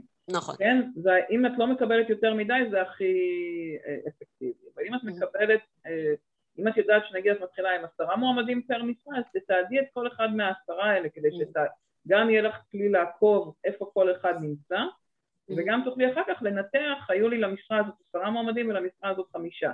ואלה הגיעו מחבר מחבר ואלה הגיעו מזה. כלומר, יש לך, מעולה. יש לך כבר כלי מסכם שאת רק צריכה לעשות פיבוט כדי לנתח את התהליך. כאילו אחר כך הניתוח יותר פשוט מתוך ה... הרבה יותר פשוט מאשר דרך המשרה להבין מה קרה בתוכה. מעולה. תודה רבה, היה לי סופר מעניין. תודה, וחשוב. באהבה. שמחה שבאת כי התלבטת. עוד שאלות, תודה לכם. איזה כיף שאתם כותבים, תודה רבה רבה, איזה כיף. מורית, תודה רבה רבה רבה. באהבה, תודה עינת. תודה מורית. תודה. תודה מורית, את אלופה. תודה מורית, היה מדהים, תודה. סופש מהנה, ביי. לך סופה שלנו, שבת שלום. שבת שלום, תודה רבה רבה רבה, היה לי כיף גדול. תודה לכם, ואני אשמח מאוד מאוד שתספרו לי אם זה עבד לכם ואם השתמשתם בזה. מאוד מאוד מעניין אותי, היי דיינה, לא ראיתי אותך. תודה, תודה רבה מורית. באהבה, תודה. בהצלחה, בהצלחה לכולם. ביי, תודה. ביי.